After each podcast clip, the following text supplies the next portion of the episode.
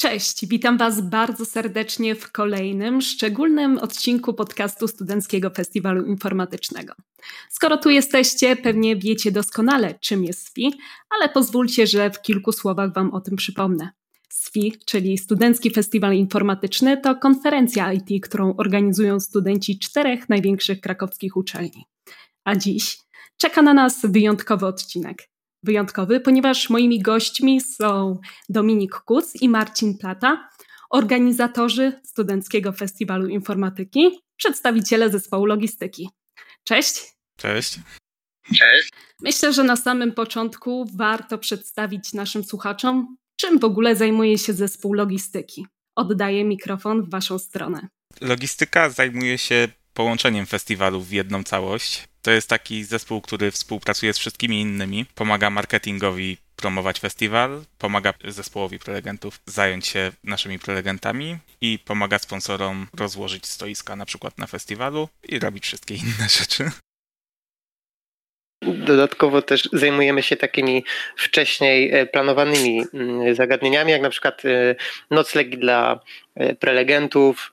To też jakby ogarnięcie tego leży po naszej stronie, albo mm, wyżywienie dla prelegentów, no i też dla organizatorów czyli noclegi, wyżywienie, przejazdy, wszelkie kwestie logistyczne, ustawienie ławek, wyjścia ewakuacyjne czy też stoiska sponsorów. Tym właśnie się zajmuje zespół logistyki. Mam takie pytanie, mówimy tutaj, powiedzieliście o tym, że współpracuje logistyka z wszystkimi innymi zespołami, ale ciężko to sobie wyobrazić, więc pytanie pomocnicze.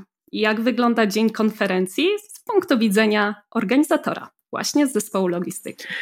Dzień konferencji to już jest w sumie e, specyficzna sytuacja dla nas, bo my dużo rzeczy robimy przed samą konferencją. Jakby musimy to wszystko przygotować.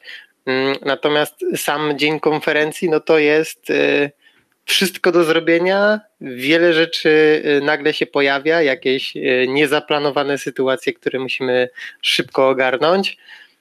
Więc jakby cały dzień konferencji to jest załatwianie rzeczy, które powinny być załatwione. Ja bym to w ten sposób ujął. O której rozpoczyna się taki dzień? Zazwyczaj e, wykłady rozpoczynają się o godzinie 10, jednak jestem pewna, że jako organizatorzy musicie być tam trochę wcześniej. No, jak sama dobrze wiesz, bo też koordynowałaś logistykę, zaczynamy dzień dużo wcześniej. Na ostatnim festiwalu zaczęliśmy, zaczynaliśmy około 8 rano i przygotowujemy salę do prowadzenia wykładów. Dokładnie tak. Przygotowanie sali, rozłożenie wyżywienia, rozłożenie pakietów startowych. Tak jak powiedziałeś, ja nie chciałam się na początku przyznawać, ale sama też zajmowałam się logistyką kilka edycji temu, więc doskonale pamiętam te niewyspane twarze z samego rana i zostawanie późną nocą po to, żeby nasi uczestnicy mogli jak najlepiej skorzystać z naszej konferencji, żeby mogli korzystać z naszych konkursów, z pakietów startowych, żeby nasi sponsorzy też byli zadowoleni. No to dobrze, wstajemy rano, przychodzimy na tą ósmą, rozkładamy stoliki, pakiety startowe, pewnie gdzieś po drodze jakaś kawa. Co dalej? Znowu kawa.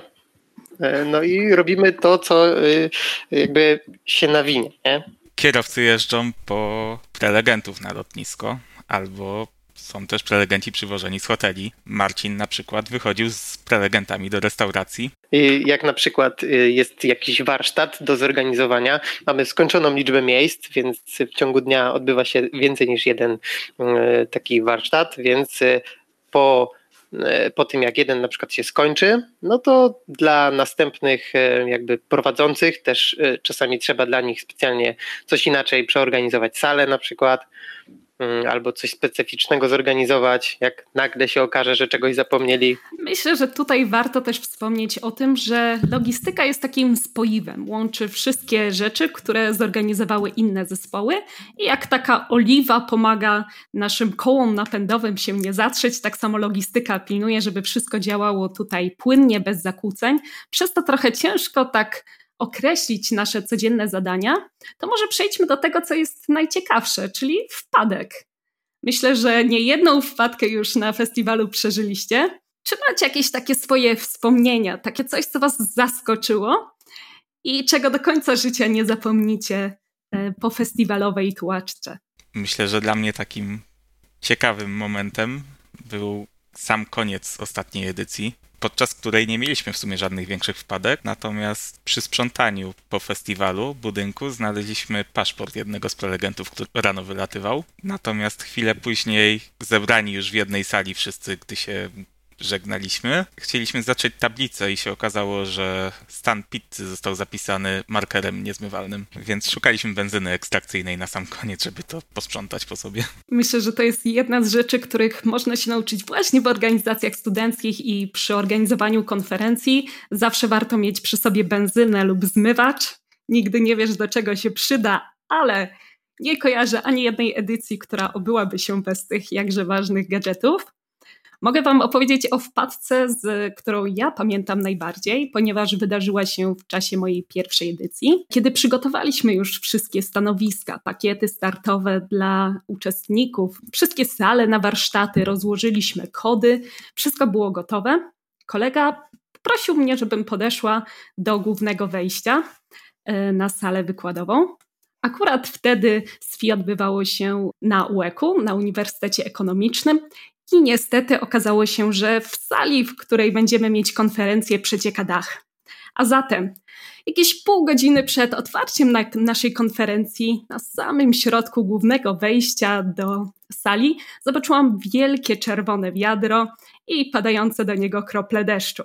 Jak się pewnie możecie spodziewać, nie mieliśmy pojęcia, co z tym zrobić, ale uwaga, udało nam się znaleźć rozwiązanie co ciekawe, guma do rzucia może zakleić dziurę w suficie na trzy dni i wcale nie przecieka. Sprawdzona informacja. Oczywiście po wszystkim gumę odkleiliśmy, zostawiliśmy salę w nienaruszonym stanie. Tak, jako studenci Uniwersytetu Ekonomicznego możemy powiedzieć, że ten dach dalej przecieka.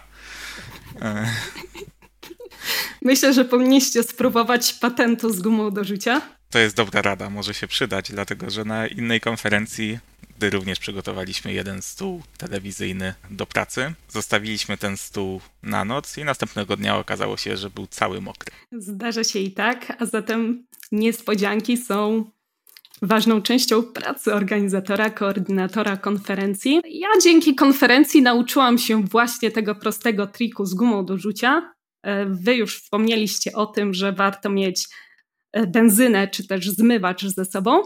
Powiedzcie mi, Czego jeszcze nauczyliście się dzięki SWI? Może nie tych trików magicznych, e, ale może jakieś umiejętności miękkie?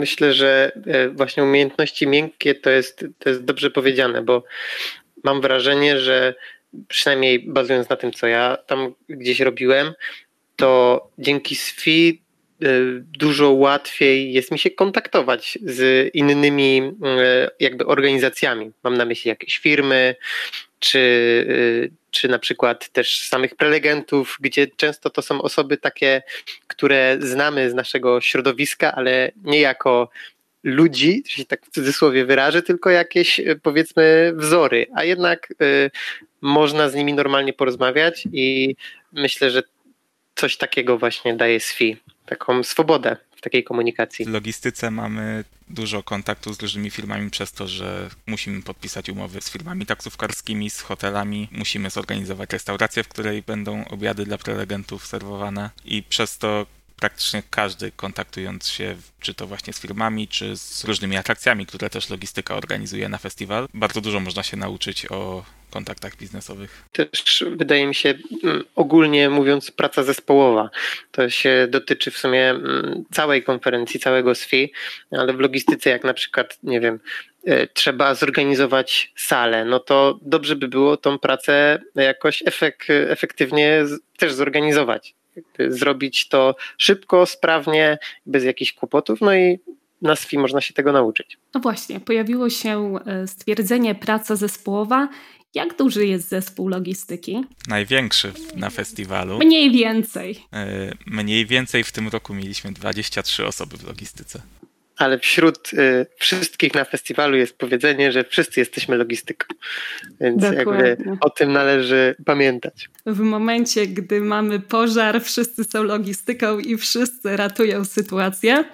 To już było za moich czasów, więc widzę, że dobre praktyki przetrwały dalej. Bardzo się z tego cieszę. No dobrze, no ale skoro macie 23 osoby w zespole, wy koordynujecie pracę tych osób w jakiś sposób, powiedzcie mi, jak sobie radzicie z delegowaniem zadań, podziałem tych zadań, monitorowaniem tego wszystkiego, co się dzieje? Czy macie jakieś specjalne triki na to, może jakieś narzędzia?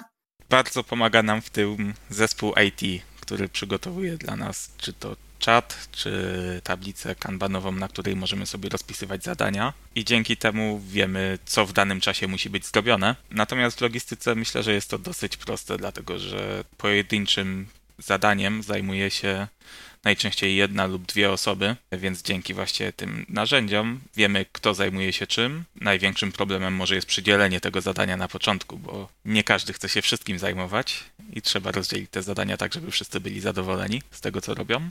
Natomiast gdy zadania już są przydzielone i ludzie pracują, to nie ma już raczej większych problemów w tym, żeby rzeczy były zrobione.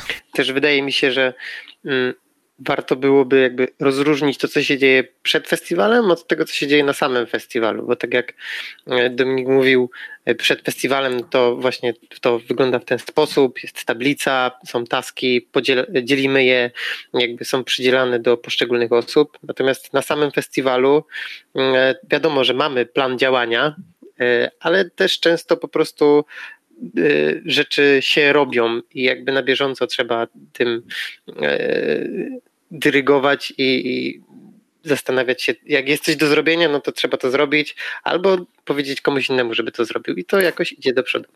Czyli z jednej strony takie korporacyjne podejście z narzędziami, z backlogiem, z planowaniem, przesuwaniem karteczek na naszej wspólnej tablicy, a później, jak wiadomo, kiedy już przychodzimy e, do ferworu walki, radzimy sobie tak, jak trzeba. Myślę, że to jest też fajna umiejętność, którą później można wykorzystywać w życiu zawodowym, właśnie takiej organizacji zadań, planowania, rozdzielania różnego rodzaju zadań pomiędzy osobami, a także zarządzania swoim czasem, swoimi umiejętnościami i tym, jak możemy pomóc w czasie festiwalu, żeby bardziej pomagać, a nie przeszkadzać.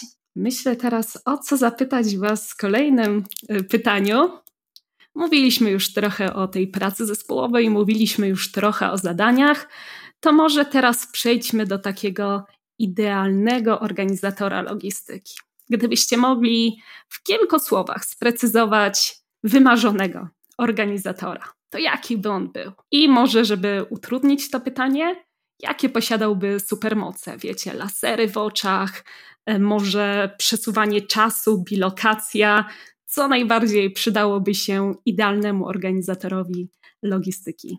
Wiedział, gdzie są wszystkie osoby, których potrzebuje akurat w tym momencie. To by była umiejętność, którą bym ja osobiście nie pogardził. Czyli mapa Huncwotów wersja SFI. Dokładnie. Myślę, że jest to do zrobienia. Jakieś bikony. Śledzenie Może... na bieżąco położenia wszystkich osób, no to brzmi sensownie. Można by coś takiego zorganizować. Myślę, że musimy podpytać zespół IT, czy nie mają jakichś wolnych przebiegów przypadkiem, czy by nie chcieli się czymś takim zająć. Możemy też zapytać, jak to robią w Chinach. Dokładnie, nie wymyślajmy koła na nowo, skorzystajmy już z istniejących rozwiązań. No to Dominik, jaką supermoc ty byś przydzielił organizatorom logistyki? Ja myślę, że nie tylko w logistyce, ale w każdym zespole najważniejszą rzeczą jest mieć czas i chęć, więc przesuwanie czasu jest chyba jedną z najważniejszych umiejętności, które wiele osób potrafi, gdy zapomni coś zrobić i robi to w godzinę później, ale to jest chyba bardzo ważna supermoc dla logistyki. Myślę, że w sesji wszyscy chociaż trochę zarządzaliśmy tym czasem, gdy nagle w ciągu jednej nocy dało się zrobić cały semestralny projekt, czy też nauczyć się na egzamin w ciągu tygodnia. Więc myślę, że szanse na to są. Wcale nie potrzebujemy czasu zmieniacza Hermiony z Harry'ego Pottera. Sama powiem Wam, że dorzuciłabym tutaj jeszcze umiejętność bilokacji. To jakoś Czasami jest tak, że dobrze by było być w kilku miejscach naraz, sprawdzić jednocześnie salę warsztatową, e, co się tam dzieje u sponsorów, jak wygląda stan pizzy, a jeszcze w międzyczasie może odpocząć chwilę i naładować telefon. Stąd też bilokacja wydaje mi się też bardzo fajną opcją dla takiego idealnego organizatora logistyki. No i na pewno dorzuciłabym tutaj odporność na stres, umiejętność komunikacji, pracy w zespole, może jakieś komunikacyjne umiejętności. Ciężko też powiedzieć o takich wymarzonych cechach e, organizatora logistyki, ponieważ ten zespół robi tak dużo, że tak naprawdę można wykorzystać każdą osobę i znaleźć dla niej niszę, w której odnajdzie się najlepiej. Mam nadzieję, że się ze mną zgadzacie. Tak, myślę, że odporność na stres też jest dosyć ważna, dlatego że kilka lat temu podczas rozdawania kodów do jednego z naszego konkursów Seekfind Input dwójka uczestników pobiła się o te kody, więc myślę, że trzeba się wykazać opanowaniem, żeby rozdzielić takich ludzi.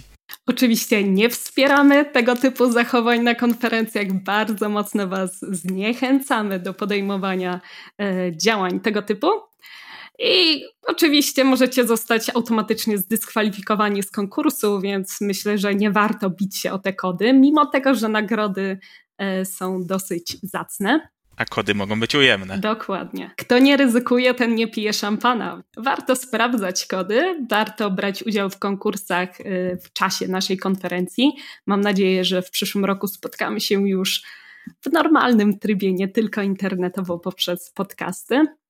No ale dobrze, powiedzcie mi proszę, dlaczego w ogóle dołączyliście do SWI? Mogliście być takim uczestnikiem, szukać kodów, słuchać na spokojnie prelekcji, brać udział w warsztatach. Zamiast tego jeździcie samochodami po prelegentów, denerwujecie się, musicie nosić ławki, stresować się różnego rodzaju sytuacjami. Po co to wszystko robicie? Bo domyślam się, że nie dla pieniędzy. Nikt z organizatorów nie robi tego dla pieniędzy, bo nikt z organizatorów na tym nie zarabia. Natomiast ja dołączyłem przez namowę znajomych i wcale tego nie żałuję. E, poznałem wiele bardzo fajnych osób na festiwalu i myślę, że bardzo dużo się dzięki temu nauczyłem. Marcin, jak było z tobą? Ja dołączyłem na drugim roku wcześniej, e, jak byłem na pierwszym roku, to brałem udział w SWI jako uczestnik po prostu i wykłady bardzo mi się podobały. Podobało mi się, jak to było wszystko zorganizowane. E, w ramach nagrody za zadanie pytania dostałem rewelacyjne skarpetki, które mam do dzisiaj, także polecam zadawać pytania prelegentom. No i potem była okazja, żeby się zrekrutować na 15 edycji. Stwierdziłem, że w sumie mam trochę czasu, chciałbym coś więcej zrobić niż tylko przejść przez studia, no i zapisałem się i, no i potem jakoś poszło.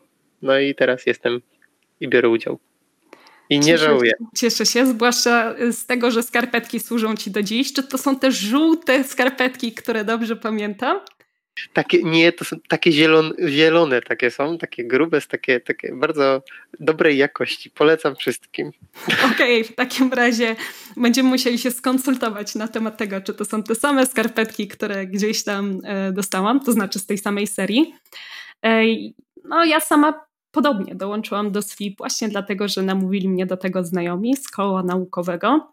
Stwierdzili, że dzieje się coś fajnego i fajnie być po tej drugiej stronie, nie tylko oglądać jak w kinie jakieś prezentacje, ale być po tej drugiej stronie i czynnie uczestniczyć w tym wszystkim. Dzięki temu miałam też okazję spotkać swoich idolów, e, osoby, których e, blogi, podcasty, książki czytałam gdzieś, zwłaszcza na początku studiów i które inspirowały mnie do tego, żeby pójść na informatykę i zajmować się tą branżą. Ale z tego co wiem, to nie brakuje również osób, które dołączyły do SWI dla pizzy, ponieważ na spotkaniach organizatorów, jak wiadomo, jest pizza, a pizza dla studenta jest niezwykle ważna. I tu pojawia się moje kolejne pytanie. Myślę, że to pytanie z kategorii trudnych, zatem skoncentrujcie się. Podobno Zamówienia pizzy dla organizatorów SWI nie są takie proste. A zatem, czy istnieje przepis na idealne dobranie proporcji, smaków oraz ilości pizzy dla wszystkich organizatorów. Jak teraz o tym wspomniałaś, to wracając do pytania o supermoce, to ja chcę właśnie taką supermoc, żebym wiedział, jaką kupić pizzę dla wszystkich. To jest bardzo trudne zadanie, bo ciężko dogodzić wszystkim. Nikt z nas nie zamawiał pizzy na festiwalu. Ja zamawiałam. Właśnie, a pytasz się nas. Wiecie, ja słyszałam o takim magicznym arkuszu, który wyliczał liczbę kawałków pizzy na osobę, najbardziej popularne smaki. Następnie można było y, głosować w ankiecie na to, które smaki cieszą się większą popularnością, a które zostawały tak, żeby następnego dnia e, zmienić nieco proporcje. I liczyłam na to, że wy jako młode pokolenie wzięliście te nasze, nasze dobre podstawy i stworzyliście jakieś całki potrójne, wiecie, no liczyłam na to, że rozszerzyliście trochę ten pomysł. Dalej podobnie jest, są ciężkie obliczenia wykonywane i przeprowadzane bardzo skomplikowane badania wśród audiencji, bo pizzę zamawiamy już nie tylko dla organizatorów, ale też dla sponsorów, dla wolontariuszy. No i to trochę komplikuje jeszcze bardziej sprawę, ale dajemy radę co roku, więc myślę, że w przyszłym roku też nam się uda. Trzymam kciuki za to, żeby udało się kiedyś poznać tą tajemniczą recepturę na najlepiej dobraną pizzę i żeby udało Wam się poczuć tą dumę z, idealnie, z idealnego zamówienia, idealnej liczby, idealnych smaków i proporcji pizzy. Wiesz, to jest festiwal informatyczny, więc może zorganizujemy jakiś model machine learningowy, który nam da odpowiedzi na takie pytania. Kto wie, zobaczymy. I myślę, że to jest bardzo dobry pomysł, skoro maszyna może to zrobić za nas. Dlaczego nie? Danych już trochę mamy, 16 lat pracy za nami, jakby nie patrzeć. Stąd też no jest to kawał historii. Powiedzcie mi może, do czego, czy w ogóle korzystacie z tych 16 lat doświadczeń, historii, nie tylko do uczenia modelów machine learningowych, ale może jest taka wiedza, która gdzieś przepływa pomiędzy kolejnymi edycjami, może są już takie jakieś dobre praktyki. Czy spotkaliście się z czymś takim, czy jednak na żywioł i organizujecie głównie po swojemu. Wiemy, że wszyscy jesteśmy logistyką. Pierwsza dobra, dobra praktyka przekazana przez edycję. Tak, i chyba najważniejsza dla nas, naszego zespołu. Korzystamy w sumie z całej wiedzy, jaką mamy pozostawioną po naszych poprzednikach, dlatego że właśnie w narzędziach przez zespół IT przygotowanych mamy całą historię wykonywanych zadań. I wiemy na przykład, chcąc postawić food przed festiwalem, że na edycji 14 i 12 była już taka próba. I dzięki temu wiemy, co musimy zrobić, żeby udało się to zrobić. Myślę, że to jest dobry punkt zaczepienia wiedzieć, e, jakie działania należy podjąć. Myślę, że dalej tak macie, że po festiwalu organizowane są też tak zwane retro, czyli spotkania, na których omawiamy, co mogłoby pójść lepiej i co należałoby poprawić w kolejnych edycjach. Dzięki czemu to 16 lat historii naprawdę owocuje coraz lepszymi edycjami, i myślę, że nasi słuchacze również się z tym zgadzają, że z roku na rok wychodzi nam to coraz lepiej. Powiedzcie mi może w takim razie, z czego jesteście najbardziej dumni, jeśli chodzi o organizację SFI? Ja myślę, że takim powodem do dumy jest to, że no, dotychczas każda kolejna edycja była w jakiś tam sposób, y, w cudzysłowie oczywiście, bo wszystkie były dobre, y, ale lepsza, większa, z większymi możliwościami. No niestety teraz sytuacja nam troszeczkę e, się zmieniła. Mamy troszeczkę pod górkę, ale myślę, że e, to i tak e, pozwala być dumnym, że ciągle dajemy radę i, i chcemy zorganizować festiwal i zorganizujemy festiwal. Wrócimy z podwojoną mocą i jeszcze z większymi atrakcjami. Dominik, jak jest w Twoim przypadku? Czy jest coś, z czego jesteś naprawdę dumny? Ja myślę, że ten rok, który e, poświęciliśmy na przygotowanie edycji, która została odwołana, mimo braku efektów, e, bardzo fajnie pokazał, że organizacyjnie niewiele już mamy do poprawy, bo wszystko działa jak w zegarku i możemy się skupić nie na poprawianiu organizacji, ale na poprawianiu festiwalu. E, a to jest chyba bardzo duży plus dla koordynatora. Muszę przyznać, że mam bardzo, bardzo podobne przemyślenia. Ja najbardziej dumna jestem z tego, że kiedy rozpoczynaliśmy naszą edycję, to byliśmy gronem osób, które albo się nie znały, albo znały się tylko z widzenia. Nie do końca wiedzieliśmy, co nas czeka. Przychodziliśmy na jakieś spotkania, rozmawialiśmy o, o jakichś zadaniach, które musimy wykonać, ale wszystko było taką wielką abstrakcją. A na sam koniec, kiedy już po tych trzech dniach zamknęliśmy salę po ostatnim uczestniku i zobaczyliśmy, e, że nasi uczestnicy wychodzą zadowoleni, szczęśliwi, a my jako zespół poradziliśmy sobie genialnie z tym wszystkim i pracowaliśmy właśnie jak zespół, a nie zbiór pojedynczych jednostek. To był taki moment, w którym stwierdziłam, że tak, zrobiliśmy kawał dobrej roboty i właśnie o to wszystko w tym festiwalu chodzi. No ale tak jak zostało to wspomniane, w tym roku sytuacja była utrudniona. E, edycję w marcu musieliśmy niestety odwołać ze względu na COVID. Później były plany na edycję październikową. Niestety również one musiały zostać zweryfikowane. Powiedzcie mi, może myślę, że warto w tym momencie trochę więcej opowiedzieć, jak to wyglądało z punktu widzenia organizatorów. Czy spodziewaliście się tego? Przewidywaliście, że marcowa y, edycja może się nie odbyć? Czy też do końca trzymaliście kciuki, że to jednak do nas, do Polski nie dotrze? Nawet gdy do Polski już dotarł koronawirus, ale nie było jeszcze kwarantanny, cały czas walczyliśmy o to, żeby festiwal się odbył, chociaż wiele osób mówiło nam, że nie ma szans. I jak się okazało, mieli rację, y, to cały czas walczyliśmy. Natomiast myślę, że wszystko, co przygotowaliśmy, e, przyda się przy następnej próbie organizowania festiwalu, który ma się odbyć w marcu. Natomiast największa zmiana jest taka, że musimy trochę bardziej pomyśleć, jak zrobić może jakieś mniejsze wydarzenia. Rozpoczęliśmy też nagrywanie podcastów i musimy się odnaleźć w świecie, który mamy po, koronawi- po pandemii. Myślę, że i tak jesteśmy w nieco e, korzystniejszej sytuacji, ponieważ na co dzień korzystamy z różnego rodzaju rozwiązań technologicznych, wideokonferencji i tym podobnych. E, szkoły z pewnością nie były przygotowane e, na zajęcia on, online w takim stopniu jak programiści, ale z pewnością zmieniło się nasze podejście, zmieniła się konferencja. Myślę, że również spotkania teraz przeniosły się głównie do świata wirtualnego, stąd też pewnie trochę więcej tarć, jeśli chodzi o współpracę w zespole, może jakiś przepływ informacji. Kolejne trudne pytanie. Na pewno pojawiły się jakieś sytuacje konfliktowe, czy też trudne. Czy macie jakąś złotą receptę, jak sobie z nimi radzić, którą chcielibyście się podzielić z naszymi słuchaczami?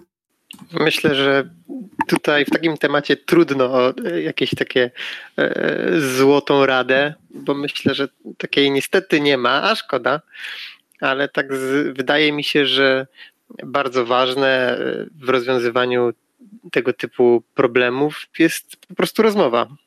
Mm, trzeba rozmawiać i jakby e, mówić sobie nawzajem. E, jesteśmy w zespole i czego oczekujemy, co się nam nie podoba, co byśmy chcieli może.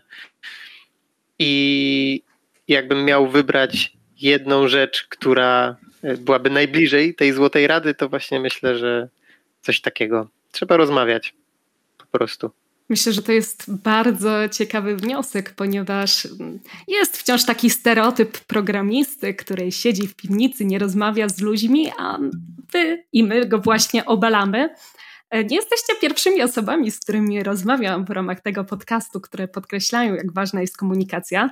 Stąd też myślę, że warto podkreślić ten temat, że tak, to jest naprawdę ważne i naprawdę rozmawiamy z ludźmi i naprawdę to pomaga. Czy są jeszcze jakieś inne doświadczenia, które z organizowania SFI przydają się Wam w powiedzmy normalnym życiu, zawodowym, na uczelni czy też prywatnym? Ta wiedza o komunikacji, rozwiązywanie problemów przez rozmowę, jakieś zarządzanie czasem, co jeszcze? To w sumie jest kolejne ciężkie pytanie. Nikt nie mówił, że będzie łatwo.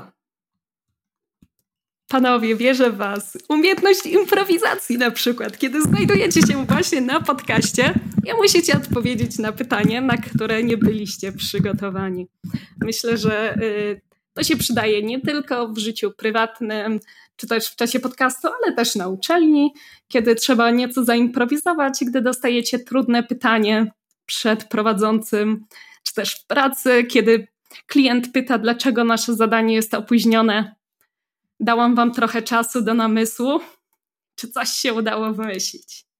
Myślę, że właśnie komunikacja, o której mówił Marcin, jest, e, jest jedną z najważniejszych rzeczy. Natomiast też kolejną rzeczą jest to, że nie zawsze da się dogadać i musi być ktoś, kto podejmie decyzję.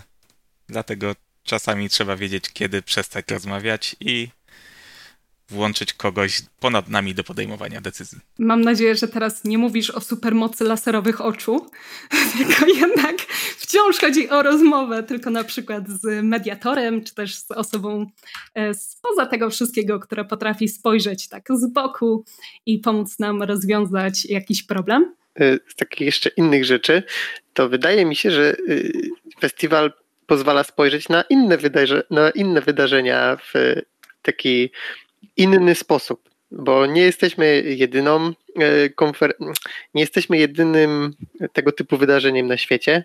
Są na przykład różne konferencje, zwłaszcza w naszej branży, e, konferencje informatyczne na przykład.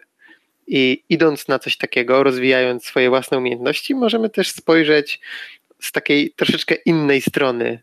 Jak oni to zorganizowali, ile ich to wysiłku kosztowało, jakby to też zmienia perspektywę, wydaje mi się. No, muszę się przyznać, że odkąd zaczęłam organizować SPI, to na prawie każdej konferencji, na której jestem, zastanawiam się, co moglibyśmy wdrożyć u nas. I bardzo często kończy się to taką serią zdjęć, które wysyłam na przykład do marketingu i mówię: Ej, zróbmy dokładnie coś takiego, bo to jest super. Złapałam się nawet ostatnio na tym, że sprawdzałam, gdzie są wyjścia ewakuacyjne w czasie konferencji i czy wszystkie e, zasady BHP są przestrzegane. Więc z pewnością, kto był raz w logistyce, zostanie w niej do końca życia. I z pewnością zmienia to sposób, w którym postrzega się organizację konferencji. Na pewno pomaga docenić trud organizatorów i całą tą pracę, której być może na co dzień nie widać. Często wydaje się, że to jest po prostu przyjście do budynku, zaproszenie prelegenta, może wypicie z nim kawy i tyle. Jednak tak naprawdę zajmuje to dużo więcej czasu, dużo więcej wysiłku. No właśnie, czy to się zmieni na przestrzeni lat? Czy te zadania wciąż pozostaną takie same? Jak myślicie? Czy to, co zawsze było w logistyce, da się na przykład zautomatyzować? Myślę, że wszystko da się zautomatyzować. Chociażby sposób wybierania pizzy przez machine learning, co wymyśliliśmy chwilę temu. Tak, ale człowiek zawsze będzie potrzebny, bo ktoś musi podjąć decyzję, co zrobić z ananasem. Ananasem, dokładnie. Wyrzucić, wyrzucić. Nie, nie znajdziesz chyba tutaj przeciwników w swojej decyzji. Jest. Natomiast jak się zmieni logistyka, możesz chyba najbardziej powiedzieć ty, bo organizowałaś festiwal kilka lat temu i widzisz, jak się od wtedy zmieniła. Powiem, że największa różnica, którą ja widzę, jest w wyborze narzędzi jednak to, co najważniejsze, czyli to, do czego służą te narzędzia, czyli jakie spotykamy problemy, w jaki sposób podchodzimy do tego, żeby je rozwiązać, w jaki sposób szukamy rozwiązań, pozostają te same. Stąd też zgadza się to trochę z tym, co powiedziałeś przed chwilą, że człowiek zawsze będzie potrzebny, ponieważ y, niespodzianki, które spotykamy w czasie konferencji są tak różne, że ciężko przygotować się na wszystko, co może się wydarzyć, wręcz powiedziałabym, że jest to niemożliwe. Ale zmieniają się narzędzia. Kiedyś planowaliśmy głównie na kartkach czy zeszytach, teraz jednak używamy do tego specjalnych narzędzi. Kiedyś drukowało się wszystkie pisma, e, wszystkie podpisy, teraz przechodzimy jednak trochę więcej na cyfrowe rozwiązania. Tu już mówię o większym, większej przestrzeni lat niż te kilka. Bardziej mam na myśli pierwsze edycje, gdzie na przykład głównym, e, głównie reklama była poprzez plakaty czy też ulotki. Teraz myślę, że ulotek już nie ma, jednak głównie działa tutaj Facebook czy też inne narzędzia internetowe. I tak jak mówię, zmieniły się narzędzia, i wciąż będą się zmieniać. Jednak to, co najważniejsze, czyli ludzie, ich kreatywność, ich podejście do rozwiązywania problemów, wciąż pozostanie najważniejsze. Myślę, że się ze mną zgodzicie, patrząc na Wasze miny. Tak, zdecydowanie. W całym festiwalu myślę, że właśnie ludzie są e, najważniejszym punktem tego wszystkiego. Więc możemy wprowadzać nowe narzędzia, e, nowe rozwiązania. Jesteśmy w końcu informatykami w większości, więc mamy do tego wiedzę i umiejętności, ale ludzie ciągle będą najważniejsi. Cudownie. To jeszcze, żeby tak zakończyć jakimś miłym wspomnieniem, bo pomału zbliżamy się do końca, zapytam Was o takie najmilsze wspomnienie związane ze SWI. Było już o wpadkach, było już o trudnych momentach, konfliktach, to teraz zakończmy czymś pozytywnym. Myślę, że najlepszym momentem na każdym festiwalu jest ten koniec, gdzie jest już satysfakcja z tego, że udało się wszystko zorganizować. Jako, że dotychczas organizowałem jedną edycję, to to jest na razie moje najlepsze wspomnienie. Trzymam kciuki, żeby było ich coraz więcej i były coraz lepsze. Marcin, jak jest z Tobą? Dla mnie takim najfajniejszym y, przeżyciem z y, edycji, którą organizowałem, bo też y, to jest dopiero moja druga edycja, była taka atmosfera E, na, w takim naszym sekretnym miejscu, które mamy na festiwalu, e, na wieży. Jakby atmosfera, która tam panuje z reguły, to jest coś, co mile wspominam. Czyli atmosfera, ludzie, to uczucie spełnienia, kiedy emocje już e, opadają. Ja dorzucę jeszcze spotkania z autorytetami i z osobami, których, na których książkach na przykład uczyliśmy się programować, a następnie spotykamy się gdzieś z nimi właśnie w prelegentowni, pijemy razem kawę i rozmawiamy o różnych dziwnych tematach czasami. Myślę, że właśnie dla tych chwil warto być organizatorem SWI i wszystkich bardzo serdecznie do tego zapraszamy. Zapewne niedługo ruszy rekrutacja do organizacji kolejnych edycji, zatem pozostawajcie czujni. Dla każdego znajdzie się miejsce. Myślę, że nieco tendencyjnie zaprosimy Was przede wszystkim do zespołu logistyki, ale skoro ten podcast jest o logistyce, to myślę, że inne zespoły nam wybaczą. Najwyżej zaproszą Was do swoich zespołów w innych podcastach. A ja tymczasem dziękuję Wam bardzo serdecznie za rozmowę. Wszystkim naszym słuchaczom bardzo, bardzo serdecznie dziękuję za wysłuchanie podcastu i zapraszam do wysłuchania kolejnych. Do zobaczenia. Cześć.